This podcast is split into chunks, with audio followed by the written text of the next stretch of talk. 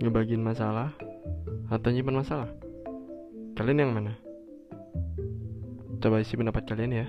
Di Instagram kita teman cakap Atau di Twitter kita teman cakap. Dah.